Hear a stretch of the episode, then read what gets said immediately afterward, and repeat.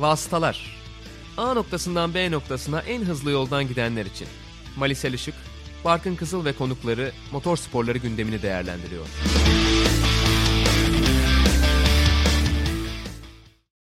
Vasıtaların 34. bölümüne hoş geldiniz. İkinci sezon 19. bölümde Rusya Grand Prix'sinin ardından Mali Selişik'le beraber karşınızdayız. Mali hoş geldin. Hoş bulduk. Hareketli bir yarış hafta sonu oldu ama bu haftadan önce elbette geçen hafta bölümümüz yoktu ve Türkiye motor sporları tarihi için çok önemli bir başarı geldi. Bizim bölüm kaydetmediğimiz haftada hemen oraya dönüp programı aslında oradan alarak açmak lazım. Elbette Roman 24 saat yarışı vardı her zaman alışkın olduğumuz tarihinde değil bu kez Eylül ayında Haziran yerine gerçekleşti seyircisiz olarak Roman 24 saat ve Salih Yoluç TF Sport takımıyla Aston Martin'le birlikte kendi klasmanında Le Mans 24 saat kazanan ilk Türk sürücü oldu. Herhalde yani bundan yola çıkarak benim görüşüm şu şekilde bundan sonra Türkiye için yeni bir sayfa açıldı diyebiliriz. Bir dönem noktası olduğunu söyleyebilir miyiz sence de? Bence söyleyebiliriz. Hem şunun için söyleyebiliriz. Özellikle Salih Yoluç gibi olabilecek en yüksek kalitede bir centilmen pilot Türkiye'deki e, motor sporlarına vakit ayırmak isteyen, bu işe girmek isteyen ama profesyonellikle amatörlük arasında bir yerde bunu tercih etmek isteyen insanlara da belki birazcık e, yol gösterecektir diye düşünüyorum. Çünkü evet bunu iş olarak yapanlar kesinlikle var. E, Salih de bunu işiyle birlikte harmanlayarak yapıyor bir taraftan ve yani centilmen sürücünün tam anlamıyla bir sözcük anlamı olarak bir Türk pilot olarak orada. E, o açıdan belki şimdiye kadar örneğini görmediğimiz bir alanda örnek oluyor. E, o da keyifli bence. Onun dışında umuyorum ilerleyen zamanlarda Ayhan Can'la birlikte e, GTA Pro'da, LMP2'de belki daha farklı, belki de genel klasman galibiyeti için mücadele ederken de görebiliriz onu. Ve belki de o yolun ilk adımı bu GTA amatör sınıfındaki galibiyet olacak. Bunun hani amatör bir sınıf olmadığından da bahsedelim. GTA Pro e, fabrika destekli, fabrika takımlarının yarıştığı bir klasman. GT Amatör'de ise fabrika pilotları seviyesindeki lisansa sahip olanlar ve aynı zamanda e, bronz ve gümüş lisansa sahip olan pilotlar yarı bağımsız genellikle de fabrikanın en fazla biraz desteğinde olan işte Aston Martin örneğinde olduğu gibi. Aston Martin aynı zamanda çünkü e, GT amatörde de fabrika destekli sayılabilecek bir takım var. E, öyle bir ayrım var aslında yani amatör ve pro dışında e, pro amatör ve pro aslında o klasman ayrımı isim olarak bakıldığında biraz daha zaman ekranlarına sığabilsin diye öyle kısaltılıyor diyebiliriz. Ama tabii ki bu başarının arkasında en fazla amatör motor sporları ruhu olabilir. Amatörlük olarak bağlayabileceğimiz tek şey. Onun dışında gerçekten çok profesyonel bir ekip zaten TF Sport ve çok da büyük bir başarı elde ettiler. Umarız devamı gelir. Evet tabii e, Salih'in otomobilinden de şöyle çok kısa bahsederim. Üzerinde hmm. Türk bayrağı ve Mustafa Kemal Atatürk portresi olan bir daha doğrusu profile silüeti olan doğru kelimeyi şimdi bulabildim. bir otomobille yarışıyorlar. Daha önceden portreyle de yarışmayı denemişti Salih ama yarış yönetimi bir politik figürün yarış otomobilinde yer alamayacağını söyleyerek buna engel olmuştu. Salih de hem estetik gözüken hem akıllıca bir yöntemle aslında Mustafa Kemal Atatürk'ü de taşımış oldu yine aracının üzerinde. Yani Gerçekten o seneki romanda da biraz araç. Asoya ve FIA'ya da dargındık açıkçası. Çünkü yani politikalar üstü bir isimden bir insandan bahsediyoruz sonuçta. Onun politik bir figür olarak görülmesi de biraz saçmaydı aslında. Ama bu sefer dediğin gibi çok güzel bir e, çözüm bulmuş ve o verilen belki de dayatılan kurallara göre de e, şık bir görüntü ortaya koymuştu Salih.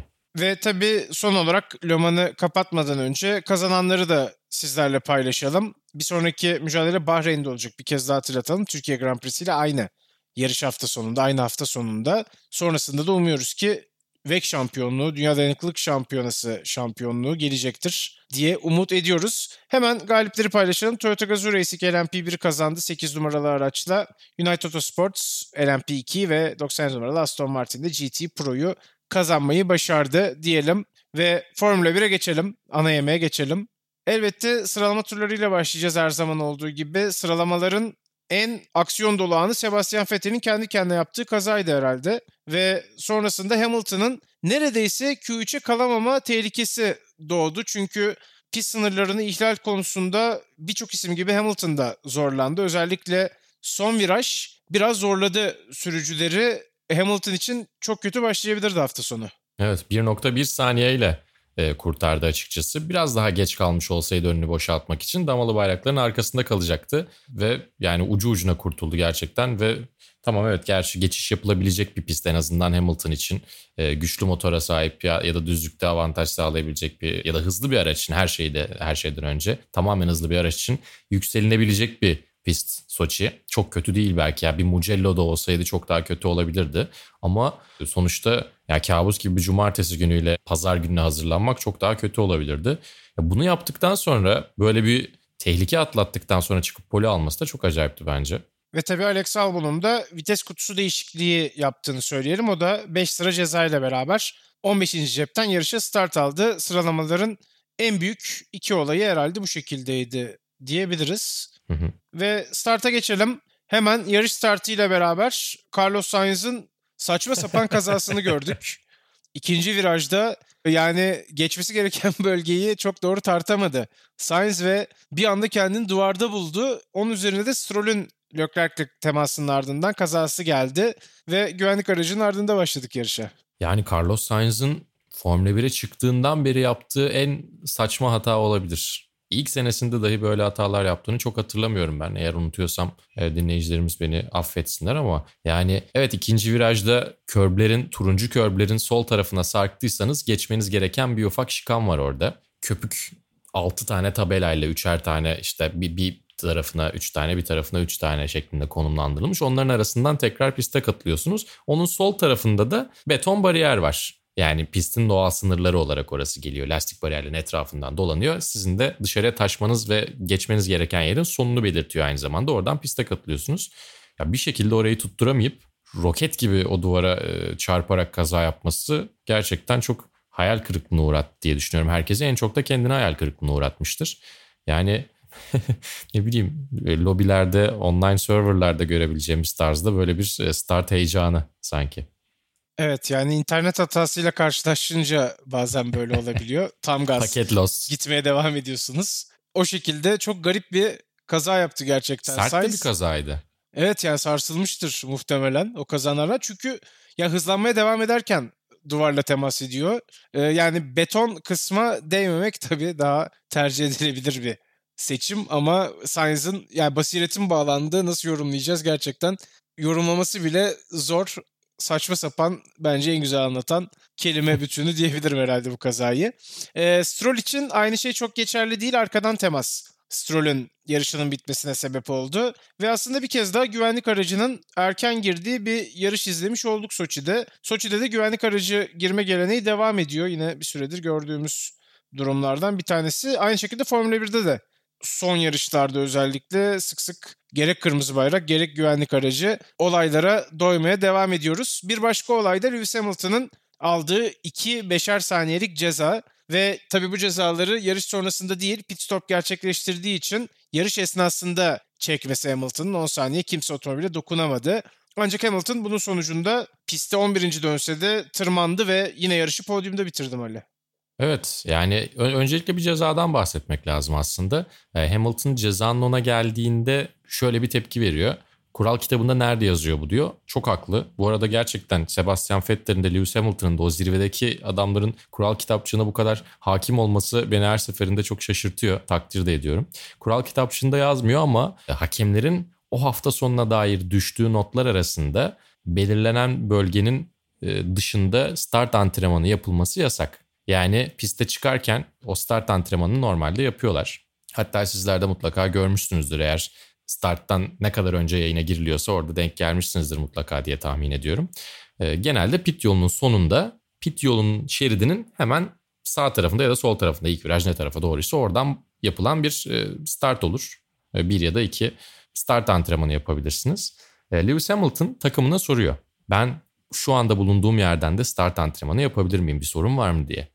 Takım ona sorun olmadığını söylüyor. İki start antrenmanı yapıyor ve her start antrenmanı için yaptığı, her kural dışı bölgeden yaptığı start antrenmanı için beşer saniye ceza alıyor. E, Bence bu gayet doğal. Yapacak bir şey yok sonuçta. Arada bir iletişimsizlik var. E, açıkçası e, takım bunu söylemiş olsa da e, Lewis Hamilton'a o zaman ceza vermeyelim denilecek bir durum yok. E, FIA'nın en azından bu konuda sadece bir uyarıyla geçiştirmemesi de güzel bir örnek oluyor. Ama ceza puanı verilmesi lisansına biraz saçmaydı. O da zaten sonrasında geri alındı. E, Biraz ondan da bahsetmek lazım belki de. Normalde herhangi bir seansta bir sürücüyü engellediğinizde ya da kazaya sebebiyet verdiğinizde ya da tehlikeli bir durum ortaya koyduğunuzda başkalarını tehlikeye attığınızda bu ceza puanları veriliyor ki Hamilton son dönemde epey yaptı bunlardan. 2019 e, Brezilya Grand Prix'sinden itibaren başlayan bir ceza puanı serisi yakaladı demek lazım. Şu detayı da ekleyelim. Sezon başladığında ceza puanlarınız silinmiyor. Yani şöyle oluyor. 2019 Abu Dhabi Grand Prix'sinde 2 puan aldıysanız 2020 Avustralya Grand Prix'sinde hani Covid'siz de bir dünya normal şartlar altında anlatıyoruz ya. 2020 Avustralya Grand Prix'sinde yine 2 puanla başlıyordunuz. Yani yeni sezon diye silinmiyordu. 2020 Abu Dhabi Grand Prix'sine kadar ya da onun olduğu tarihe kadar bir yıllık süre boyunca o 2 puan geçerli oluyordu. Lewis Hamilton için şöyle bir tehlike ortaya çıktı. Brezilya Grand Prix'si nedeniyle geçtiğimiz yılki yine Albon temasıyla. Eğer önümüzdeki 4 yarış içerisinde yani Türkiye Grand Prix'sine gelene kadar 2 puan daha alsaydı bir yarış men cezası alacaktı ki hepimiz bir gerildik. Yani Lewis Hamilton'ın gelmediği bir Türkiye Grand Prix'si de biraz buruk olurdu, biraz tatsız olurdu herhalde Barkın değil mi? Yani belki de hani MotoGP'de Marquez'in yarışmadığı yarışlar gibi de farklı bir heyecanda olabilir miydi diye de ben başka hmm, bir yarış heyecanı olarak aslında. öyle tabii ki ama bir taraftan da tarihi bir sezondayken buraya uğramamış olması da kötü olurdu. Yani dediğin gibi olumlu tarafı olabilirdi belki ama umuyorum zaten güzel bir yarış olacak kim gelirse gelmezse o kısma bakmadan. Böyle bir durum ortaya çıktıktan sonra tabii bunun haksızlık olduğundan bahsetti Lewis Hamilton. Burada biraz kendisini eleştireceğim. Beni durdurmaya çalışıyorlar. Ee, ne gerek var böyle bir şey falan gibi bir şey söyledi. Hemen öyle e, kurban psikolojisine girmesine de gerek yok. Olay o kadar dramatik değil. E, sonra araştırıp bakıldığında bunun bir takım hatası olduğu görüldü. Ve dolayısıyla takıma para cezasına çevrildi bu tekrar da lisansındaki süper lisansındaki ceza puanları 8'e indirildi. Yani 12 ceza puanla yükselmesi için çok ekstra işler yapması lazım. Artık bu saatten sonra bence dikkatli edecektir zaten. Ee, hem malzeme vermemek için hem kendini korumak için şampiyonayı riske atmaya gerek yok. Riskli olabilecek bir noktaya getirmeye gerek yok. Ve o yüzden bence garip bir ceza silsilesiydi. Çünkü hiçbirimiz çok hakim değildik bu konuya belki. Hani bu olayla birlikte araştırdık ama e, garip olması demek e, o cezanın hak edilen bir ceza olmadığı anlamına gelmiyor tabii ki. Ceza puanı olarak da kimseye tehlike yaratmadığı için aslında bu hatalı yerden yapılan yarış startlarıyla birlikte bir de işin öyle bir tarafı var bence. Ve dediğim gibi takımın e, Hamilton'ı yönlendirmesiyle e, böyle bir durumda ortaya çıktığı için bir takım para cezasına çevrildi. Bence tatlıya da bağlandı. Evet tabii yarış için Hamilton galibiyet adına oldukça hevesli olsa gerek. Çünkü ortada ortak olunacak bir rekor var. Michael Schumacher'ın 91 yarış zaferi rekoruna geldi dayandı Hamilton ama bir süredir orada kaldı. Yani gelmiyor fırsat. Çok hızlı ve avantajlı olduğunu da biliyoruz. Hem Mercedes'in gücü hem kendi yetenekleri doğrultusunda ama bir süre daha beklemesi gerekiyor. Birkaç haftadır böyle oluyor en azından. Ve şimdi aslında özel bir yerde Nürburgring'de böyle bir rekora ortak olma ihtimali var ki seninle de hmm. konuşuyorduk. Ee, yani Schumacher'in ismini taşıyan S virajların olduğu bir pist. Bu anlamda da belki anlamlı bir rekora ortaklık söz konusu olabilir eğer Hamilton kazanırsa önümüzdeki yarış hafta sonunda. E, tabii, ee, bu arada önümüzdeki hafta yarış yok onu da söyleyelim. Öbür haftaya kalıyor yine Hamilton. Önümüzdeki yarış haftası. Formula 1 olmayan öyle. haftaları haftadan saymamaya devam ediyoruz. evet. Bizim için böyle en azından. Evet, daha şık olabilir tabii. Ben de öyle düşünüyorum. Çünkü yani ne olursa olsun tabii ki e, Hamilton'a sorsanız en kısa sürede e, o rekoru kırmak ister ya da bir yarış galibiyetini iyi bir yere denk getireyim demez. Çünkü nerede olursanız olun tamam Hamilton için bir süredir bu geçerli değil ama hangi yarışın son galibiyetiniz olacağını bilmiyorsunuz. Ne kadar zirvede kalabileceğinizi bilmiyorsunuz. O yüzden bu yarışı kazanmayayım e, başka bir yerde bunu yaparım gibi bir şey hiçbir zaman düşünmüyor pilotlar. Ama çok geçmiş olmayan bir pistte çok herkesin favorisi olmayan bir yerde, çok anlamı olmayan bir ülkede bu rekorun e, eşitlenmesindense e, Nürburgring çok daha şık olacaktır diye tahmin ediyorum. Hatta iyice e, fan fiction yazıyorsak Nordschleife'de daha doğrusu Nürburgring'de, Nordschleife'de değil tabii ki ama Nürburgring'de Eiffel Grand Prix'sinde eşitleyip Imola'da kırabilir belki. Daha güzel, daha keyifli olabilir. Hani Schumacher'ın daha önce yarıştığı güzel performanslar sergilediği bir pist olarak. Ama arada Portimao var. Onu da işte. İşte Portimao'da başka biri kazansın canım. Eh, peki. Ee, ya olabilir tabii. Şey değil mi bu? Liberty Medya'nın e, şey toplantısından kesitler. Yani Türkiye Her şey Grand Prix'sinde de falan diyenler bu arada. çıkıyor böyle. Keşke Türkiye Grand Prix'sine kadar başkaları kazansa hem sezon da tatlanır hem de rekoru bizde kırar keşke. O da Tabii iyi olur. Nürburgring'de yağmur beklentisi yani uzun süredir zaten konuşuluyor. Şimdiden Elbette hava tahmini olarak onu kestirmek çok mümkün değil ama yağmur yağma olasılığı aslında söz konusu. Çünkü işte pistin bulunduğu lokasyonun genel hava durumuna baktığımız zaman zaten bol bol bu mevsimde yağış olduğunu görüyoruz. Eğer öyle bir yarış olursa kesinlikle Hamilton yağmurda çok yetenekli bir sürücü ama e, yani yarışın karışma ihtimali daha yüksek oluyor ve hani zaten doğal gidişatta kazanacak isim olan Hamilton'ın biraz risk altına girmesine sebep olabilir bana sorarsan. Bakalım neler göreceğiz. Gerçekten güzel bir yarış bence. Almanya'da bizi bekliyor. Takvime Bence şey olabilir sürpriz olarak arada. girmişti orası da. Aynen güzel oldu tekrar e, Nürburgring'i takvimde görmek.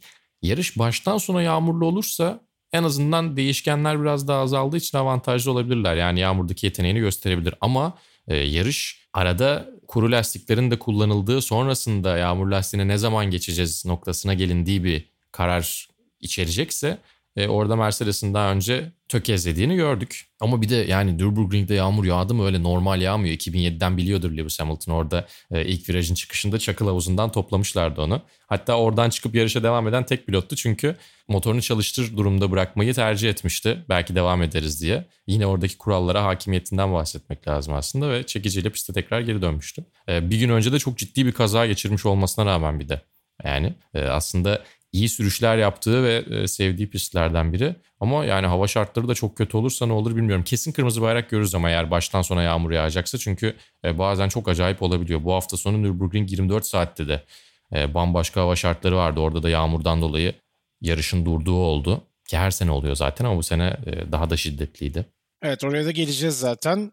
Ee, Evet. Kısa bir Nürburgring değerlendirmesi de aslında yapmış olduk yarış öncesinde. Şöyle bir en azından üzerinden geçtik bazı notların. Devam edelim. Soçi'ye geri dönelim. Daniel Ricciardo e, ikinci virajda belirtilen kaçış alanından geçmediği için az önce bahsettiğimiz bir 5 saniyelik ceza aldı. O da takım tersizinde bu cezayı çok olgun ve çok sakin karşıladı. Değil Benim mi? Hatam. Bundan güzeldi. sonra daha hızlı süreceğim dedi. Yani müthiş. Gerçekten görmek istediğimiz tavır. Ve kaçış alanının bir başka yıldızı da elbette Roman Grosjean oldu. Onsuz parti olmuyor bildiğiniz gibi. Ee, o da çok bariyerlerin dizaynını beğenmemiş olsa gerek orayı düz geçmeyi tercih etti. Garipti o da. Ortalığı böyle şey strafor tozuna boğdu. Paramparça etti oraları. Bakalım onun da önümüzdeki yıl tekrar koltuk bulduğunu ya da Haas'la beraber kaldığını görecek miyiz? Elbette aslında odağımızdaki isimlerden bir tanesi olacak gibi gözüküyor. Sezonun sona ermesi ile beraber ya da sezonun sonu yaklaştıkça diyelim. Ee, yarışın başında ilginç bir görüntü vardı. George Russell, Lando Norris ve Alex Albon sert lastiklerle gridin en arkasında hatta önlerinde biraz da mesafe de vardı diğerleriyle. Hani karting'e gitmiş gibi bir görüntü çiziyorlardı. Twitch lobisi. Evet Twitch lobisi. Hatta sen Discord'da açtılar mı diye sormuştun. Yani eğlenceli görüntülerden bir tanesiydi. Bence çok keyif aldıklarını da düşünüyorum o bölümden. Hani yarışı biraz unutmuş bile olabilirler. Kendi aralarında yarıştıkları o noktada. Ama sonrasında tabii zaten farklar açıldı. Norris ile Albon daha başka yerlere gittiler. Russell'ı kaderiyle baş başa bıraktılar en azından şimdilik tabii Williams'ta. Perez'in Ricardo'ya yaptığı güzel bir geçiş vardı. Ondan da bahsetmek lazım ki bence Perez bugünün aslında günün sürücüsü adaylarından bir tanesi olabilirdi Mali herhalde. Kesinlikle. Ya bugün en çok göz dolduran isimlerden biriydi Sergio Perez ki Force India'da Force India beni andı. Racing Point. Ee, Racing Point de iyi bir araç gibi görünüyordu.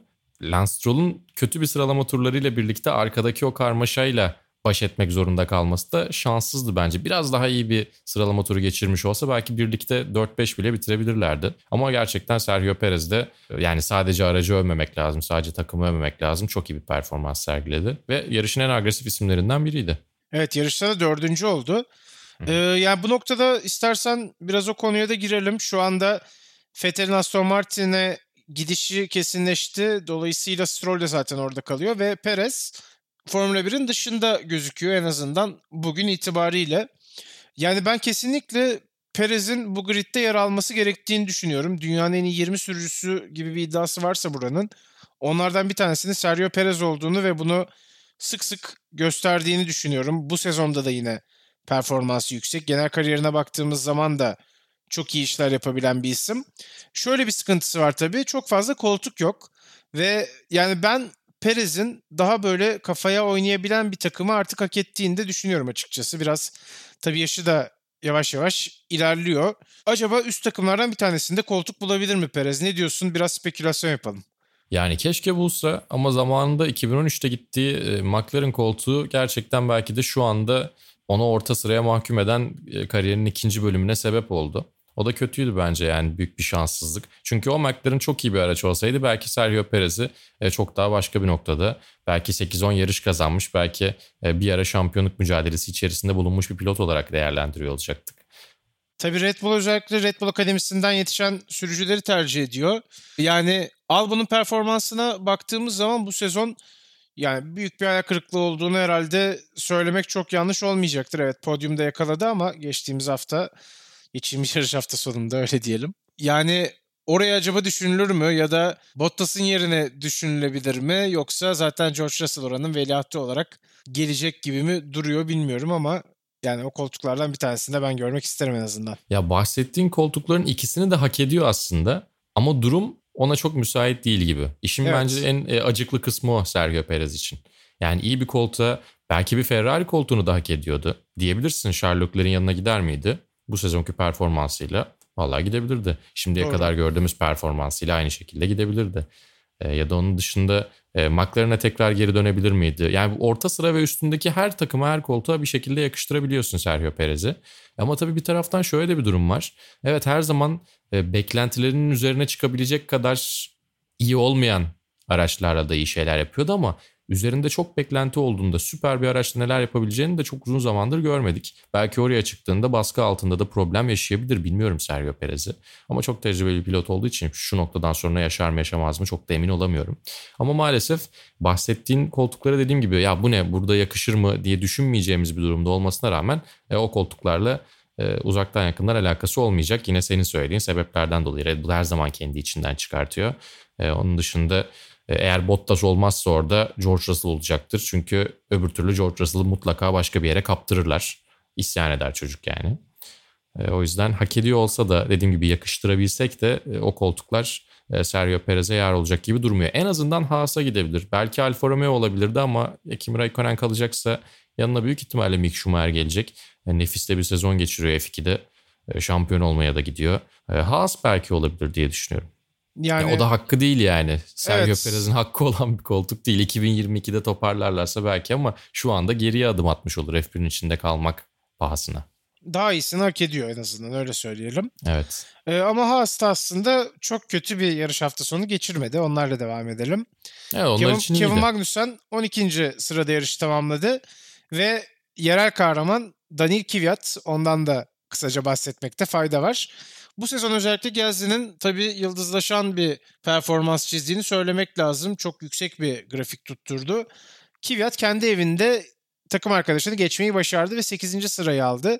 Çok uzun bir ilk stint tabii ki. Aslında taktiksel bir efor da takımdan vardı o noktada ve Kvyat da güzel bir şekilde aslında yarışı geçirdi ve bence bu sonuçtan memnun olacaktır diye düşünüyorum. O da bir süredir çünkü iyi bir sonucu arıyordu. Evet yani özellikle e, bu sezonun parlayan isimlerinden, bu sezonun gerçekten çok konuşulan isimlerinden biri haline geldi takım arkadaşı Pierre Gasly. O durumda Daniel Kvyat'ın bir şekilde kendini artık böyle bir ayağa kapıdan dışarıya adım atmış şekilde görmeyip de hala iyi performanslar kovalıyor olması bence değerli. E tabii kendi seyircisi önünde bir taraftan onu da söylemek lazım. E, üçüncü virajın orada e, Daniel Kvyat tribünü var. Kendi tribünün olan bir pistte belki biraz daha ekstra e, motive oluyorsundur. Ama ne olursa olsun iyi bir strateji ve bunu iyi bir uygulayan ve bunu iyi bir şekilde uygulayan daha doğrusu bir pilot gördük ve Daniel Kvyat'ı da o açıdan takdir etmek gerekiyor. Bu sezon tabii türbün olanda gördüğümüz ilk yarış onu da söyleyelim. İlk kez tam anlamıyla seyircili sayılabilecek bir yarışı da geride bıraktık Rusya'da. Onun notu da vermiş olalım bu noktada. Ve Leclerc elbette ona da bir parantez açmak lazım. Etliye sütlüye bulaşmadan çok fazla yer de almadan ekranlarda 6. sırayı aldı ve bence yine çok iyi bir hafta sonu geçirdi diyebiliriz Ferrari standartları için. Öte yandan Verstappen de günün pilotu seçildi. Evet yani günün pilotu Max Verstappen'i seçer miydik sence? Yani ben bir ilk 5 yapsam oraya koymuyorum. Ama bu kötü bir gün geçirdiği anlamına gelmiyor. Çok fazla göze batmadan ondan bekleneni vermesiyle aslında değerlendirebilirim. Hani o şekilde düşünüyorum. Yani ya bir tabii de bir de startta, oylar da önemli bu arada. Çok popüler bir sürücü. onun da etkisi olmuştur mutlaka. Mutlaka ama startta e, belki liderliğe yükselebilecek bir pozisyonda kalkıyor olmasına rağmen startta bir de üstüne e, Bottas'a yer kaybetti. E, yani startta ilk virajı lider dönüyor olsaydı sonrasında 3. sırada bitirmiş olsa bile günün pilotu diyebilirdik. Çünkü yarışa bir heyecan katacaktı neticede. E, ama o tarz bir şey çok fazla göremedik Max Verstappen'den. E, biraz onun yarışları da öyle geçiyor. Çünkü Mercedesler çok önde, diğer rakipleri çok arkada. O açıdan yani zaten ekstra bir şeyler yaptığı yarışlar çok nadir olabiliyor. Red Bull'la birlikte kafa kafaya verip iyi bir strateji ortaya koyduklarında özellikle Silverstone'da olduğu gibi. Ama özellikle dikkat çeken böyle Max Verstappen parladı diyebileceğimiz bir şey bu yarışta var mıydı diye düşünüyorum. Günün pilotu seçilmek için bence yoktu. Sergio Perez olabilirdi. Charles Leclerc senin söylediğin gibi olabilirdi. Kevin Magnussen olabilirdi belki. Yani Gens'le Kvyat ikilisinden biri de olabilirdi herhalde. Doğru Alfa Tauri pilotlarını da söyleyebilirdik. Olabilirdi de olabilirdi ama Verstappen çok popüler bir seçim olur mu? Yani ikimiz de emin değiliz herhalde. Hı hı. Ama bu yarışta öyle oldu. Hiç Bottas demedik değil mi bir de bu arada? Takım sonu tersini biraz bize de söylemiş demek ki. Ee, yani evet aslında biz de onu biraz eleştiriyorduk son zamanlarda. Özellikle ben biraz sert de çıkmıştım açıkçası. Ancak yani tabii kazanmayı başardı. Kazanıyorsanız her zaman haklısınız. Kazandıktan sonra da dilediği şeyi söylemekte bana sorarsan özgür. Tabii Hamilton'ın yaşadığı problem kazanmasında önemli bir faktör oldu. Ne olursa olsun bu hafta sonunun galibi olarak tarihe adını yazdırdı Valtteri Bottas. Yani o Instagram muhabbetini açmak istiyorsan senden dinleyelim istersen. Olur. Ee, dün Instagram'da kendisini eleştiren birine e, yanıt vermişti. E, senin gibi düşünseydim kariyerimde hiçbir noktaya gelemezdim. Ben kendime inanmaya devam ediyorum minvalinde bir şey söylemişti. Yani belki de Valtteri Bottas'a e, sataşılabilecek en kötü yarışı seçmiş arkadaş da. Çünkü yani sezonun başından beri ilk kez yarış kazanıyor. İlk yarıştan beri ilk kez yarış kazanıyor. Çok uzun bir süre problemliydi. Gerçekten fırsatlar oluştuğunda Lewis Hamilton kazanamayacak noktada olduğunda oraya çıkması gereken adam Valtteri Bottas'ken o noktaları yakalayamadı. Ama bu yarışta Lewis Hamilton olmadığında da Mercedes'e galibiyet getirecek adam olduğunu bir kez daha hatırlattı. Ve tabii ki yine takım tersinden e, haterlarına da sallamış oldu. Evet böylece galip pilotla Formula 1'i noktalamış oluyoruz. Ekleyeceğim bir şey var mıydı Ali? Yok. O zaman MotoGP ile devam edelim. Fabio Quartararo kazanmayı başardı. Juan Mir ve Alex Rins iki Suzuki sürücüsü podyumda yer aldılar Quartararo ile beraber. Quartararo böylece şampiyonada da tekrar liderliğe yükseldi. O da bir süredir aslında böyle bir başarıyı arıyordu herhalde. Çünkü e, sezona çok hızlı bir giriş yaptıktan sonra diğer isimlerin de yine kazanabildiğini göstermeleriyle beraber Quartararo ile ilgili de belki yarım denebilecek soru işaretleri oluşuyor gibiydi. Çeyrek diyelim mi kelime şakası? Çeyrek de diyebiliriz evet. bir de Dovizioso'ya değinmek lazım elbette. O da şampiyonun iddialı isimlerinden bir tanesi. Yarışın başında yerde kaldı o da. Evet o da e, aslında çok saçma bir durum oldu. İkinci virajda yani yarışın hemen artık ya ilk viraj bile sayabilirsin aslında Barcelona'nın ikinci virajı zaten hani ilk şikana dahil öyle söylemek lazım. Juan Zarco ve arkasında Andrea Dovizioso var. Bu ikilinin önünde de Danilo Petrucci var. Yani Dovizioso'nun takım arkadaşı. E, Petrucci'nin bir problem böyle ufak bir sendelemesiyle birlikte ona çarpmamak için e, Juan Zarco motosikleti yatırmışken ön freni biraz daha sıkıyor. Böyle olunca düşüyor. Böyle olunca Dovizioso'yu da yanında götürüyor ki inanılmaz bir şanssızlık bence. Ama şöyle bir durum var. Dovizioso e, daha iyi bir sıralama turları geçirmiş olsaydı o karmaşa içerisinden kendini kurtarabilirdi. Hiç orada olmayarak belki e, kendi şansını da kendi yaratıyor böyle durumlarda. Ama gerçekten garip bir durum var. Yani kimse 5-6 yarış boyunca böyle şampiyona favorisi olarak ortaya çıkmıyor. Daha yeni yeni şekilleniyor ki yani 100 puanları yeni geçtik. Düşünsene sezon başlayalı ne kadar oldu? Kaç yarış geride bıraktık? Yani Mark Marquez belki 3 yarış 4 yarış geçirmiş olsa şu an 25-30 e, puan farklı şampiyona lideriydi neredeyse. Suzuki'ler için çok iyi oldu. Joan Mir inanılmaz gidiyor. Biz sene başında bir numarayım dedi diye biraz dalga geçmiştik o hastalarda ama eğer şampiyon olursa ki 8 puan gerisinde Fabio Quartararo'nun e, çıkarda şampiyon olursa e, çok utandırır bizi. E, Alex Rins de toparladı ki sezon başında o da sakatlıklarla cebelleşiyordu. Suzuki'lerin yarış sonuna taşıdığı inanılmaz bir hız var. Hem lastikleri daha iyi koruyorlar ama yani tempo olarak gerçekten yarış sonlarında harikalar Suzuki'ler. 2007'den sonra ilk kez iki sürücüyle podyuma çıkmış oldular ki çok çok eski zamanlar ya arada Suzuki MotoGP'den ayrıldı, geri geldi.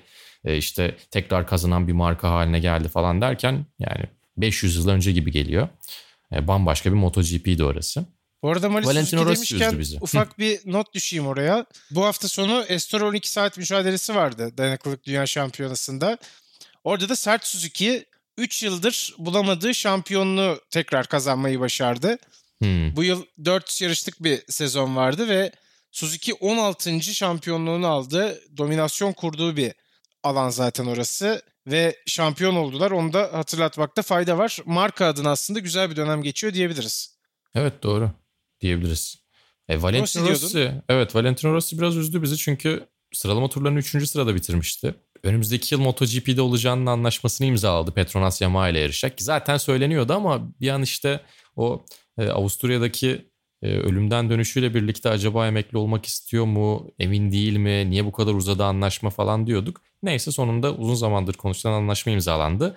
Böyle bir aslında atılım yapabilecek bir haber mi bu Rossi için diye düşünüyorduk. Ya yarışta da iyiydi. Bir süre ikinci gitti. Sonra üçüncü olarak yarış takibi ediyordu ve yarışın sonuna doğru arka lastikleri bitmeye başlayan Quartararo'ya yaklaşıyorlardı. Franco Morbidelli ile birlikte. Önce Morbidelli hata yaptı. Geriye düştü biraz. Dolayısıyla lastik avantajını kaybetti. Çünkü ikisi lastik koruyorlardı.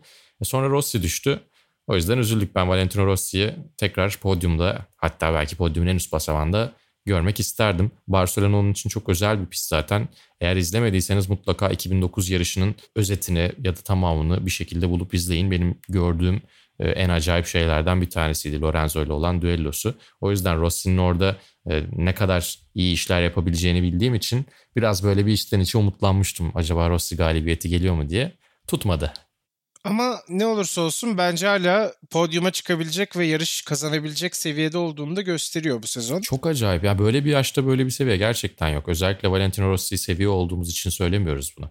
Yani tamam tabii ki hepimizin kalbinde yeri ayrıdır ama eğer Rossi yaşlanıyor olsaydı ya da Rossi artık bu işler e, Rossi'yi geride bıraktı, Rossi'den geçti diyor olsaydık da bunu söylerdik. Ama o seviyeden hala birkaç sene uzakta gibi görünüyor ve çok takdir edilesi. Bir de özellikle yani MotoGP'nin metası sürekli değişiyor. Yani Rossi'nin ilk 500 cc'ye geldiği zamandaki sürüş pozisyonuna veya işte motorlara, lastiklere her şeye baktığınızda bambaşka bir yerdeydi ve adam sürekli kendini e, yeniden bulmayı başardı. Sürekli kendini yeniden icat etti öyle söylemek lazım. Evet Ve adaptif şu anda olmak zaten bütün Aynen motor öyle. sporları için çok önemli. O da onu gösteriyor bence de. kesinlikle. Yani o konuda belki e, yanına yaklaşılamayacak bir seviyede olabilir. Tabii ki Mark Marquez'in önümüzdeki yıllarda ne yapacağını göreceğiz ama e, yani Rossi'nin en büyük olmasının sebebi bu tarz şeylerle de rakamlarını destekliyor olması. Ve onu en azından bir yıl daha göreceğiz. 2022 için opsiyonu var mı yok mu bakacağız açıkçası. Yani sadece bir yıllık anlaşma. Ki bence biraz ayıp Rossi'ye istediği kadar sen ne kadar yarışmak istiyorsan sana bir şekilde e, motosiklet veriyoruz da demeleri lazım bence. Ama sonra belki e, VR46 MotoGP takımının başında bir şekilde e, gridde kalmaya, paddock'ta kalmaya devam edecektir. Ya özellikle bu sezon Red Bull Ring'deki o korkunç kazanın ardından hani o korkmuş Valentino Rossi görüntüsü bayağı hafızalarımızdan silinmeyecek bir an yaşattı zaten bize. Bunun üstüne devam ediyor olmasının haberinin gelmesi, işte Petronas Yamaha ile anlaşılma gelişmesi çok sevindirici oldu herhalde öyle söyleyebiliriz. MotoGP'yi noktalarken seviyoruz ve mutluyuz Rossi devam edeceği için. Moto 3 ile devam edelim elbette. Deniz Öncü'nün yarıştığı seri biliyorsunuz. Ee, maalesef Deniz yine çok mücadeleci bir yarış çıkaramadı ve bir kaza yaptı. Öte yandan yarışa damga vuran bir başka kazada Albert Arenas ve John McPhee arasındaydı ki sonrasında benim çok uzun süredir gördüğüm en büyük sitem görüntüsünü görmüş oldum. Dakikalarca salladı ya. Evet dakikalarca küfretti muhtemelen Albert Arenas. Çok enteresandı. E, şampiyona lideri tabii e, İspanyol Albert Arenas. E, John McPhee de şampiyonadaki mücadele eden isimlerden bir tanesi. Yani tam olarak direkt rakibi değildi ama e, John McPhee'nin e, frenajda işte önündeki Tony Arbolino'ya çarpmamak için freni biraz fazla sıkıp low side yaşayıp Albert Arenas'ı da süpürmesi çok büyük şanssızlıktı. Bu arada Ha, şöyle bir durum kendi var. kendine zaten. McPhee. Evet kendi kendine kesin düşecekti ama işte Arenas da yanlış zamanda yanlış yerdeydi. Bu arada şampiyonadaki en yakın rakibi Ayogura da yarışa 24. cepten başlıyordu. İlk turda 14 14. sıraya kadar çıktı ama sonra çok ilerleyemedi aslında çok az puanlar alabildi. E, yarışı da 11. sırada bitirdi yalnızca e, birkaç puanla tekrar şampiyona liderliğini kaybetmiş oldu Albert Arenas ve belki de düşmeseydi kapanan farkı tekrar açacaktı Arenas. Böyle de bir beklentisi vardı. E, bunlar bir araya geldiğinde ciddi anlamda tadı kaçtı tabii. Sonra John McPhee Albert Arenas'ın garajına geldi. Özür diledi. Albert Arenas da bir e, baş Çok parmağıyla tamam eyvallah dedi de yani ne diyecek ki abi boş ver senin canın sağ olsun denilecek bir nokta gerçekten değil. Çok tatsızdı. Şampiyonunun kaderini değiştirebilecek bir kazaydı belki. İlerleyen zamanlarda göreceğiz belki de öyle olur. Kazanan Yani da Brad Binder'ın zaten- kardeşi Pistten giderken Arenas hala arkasından bağırmaya devam ediyordu. Dolayısıyla bence çok sıcak bir e, hani özrü kabul etme durumu olmaması çok normal. Doğru. Aradan birkaç dakika geçmiş olmasına rağmen. Yarışın kazananı da Brad Binder'ın kardeşi Darren Binder'dı. Ve ilk kez yarış kazandı. O da çok yetenekli, çok hızlı ama e, bir o kadar da savruk bir sürücü. Yavaş yavaş toparlıyor. Bir de başarıyla harmanlamışken e, yükselen bir yıldız olabilir. O zaman Almanya topraklarına geri dönelim. Nürburgring ama bu kez Nordschleife'den bahsedeceğiz. 24 saatlik bir mücadele vardı. Orada da Emir Aşar'ı yarışan isimlerden bir tanesiydi.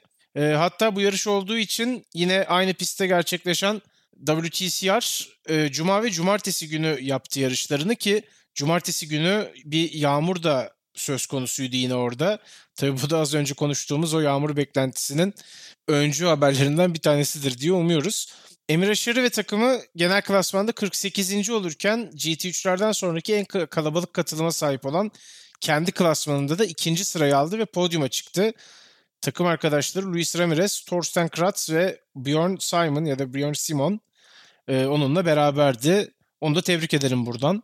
Ve tabii ki Cem Bölükbaşı ve Yağız Gedik onlar da Zandvoort'talardı ve iki yarışta da kendi klasmanlarında yine podyuma çıkarak GT4 Avrupa Şampiyonası'ndaki başarılı performanslarını devam ettiriyorlar diyelim ve bölümü noktalayalım. Keyifli bir bölüm oldu Ali. Ağzına sağlık. Senin de teşekkür ederim.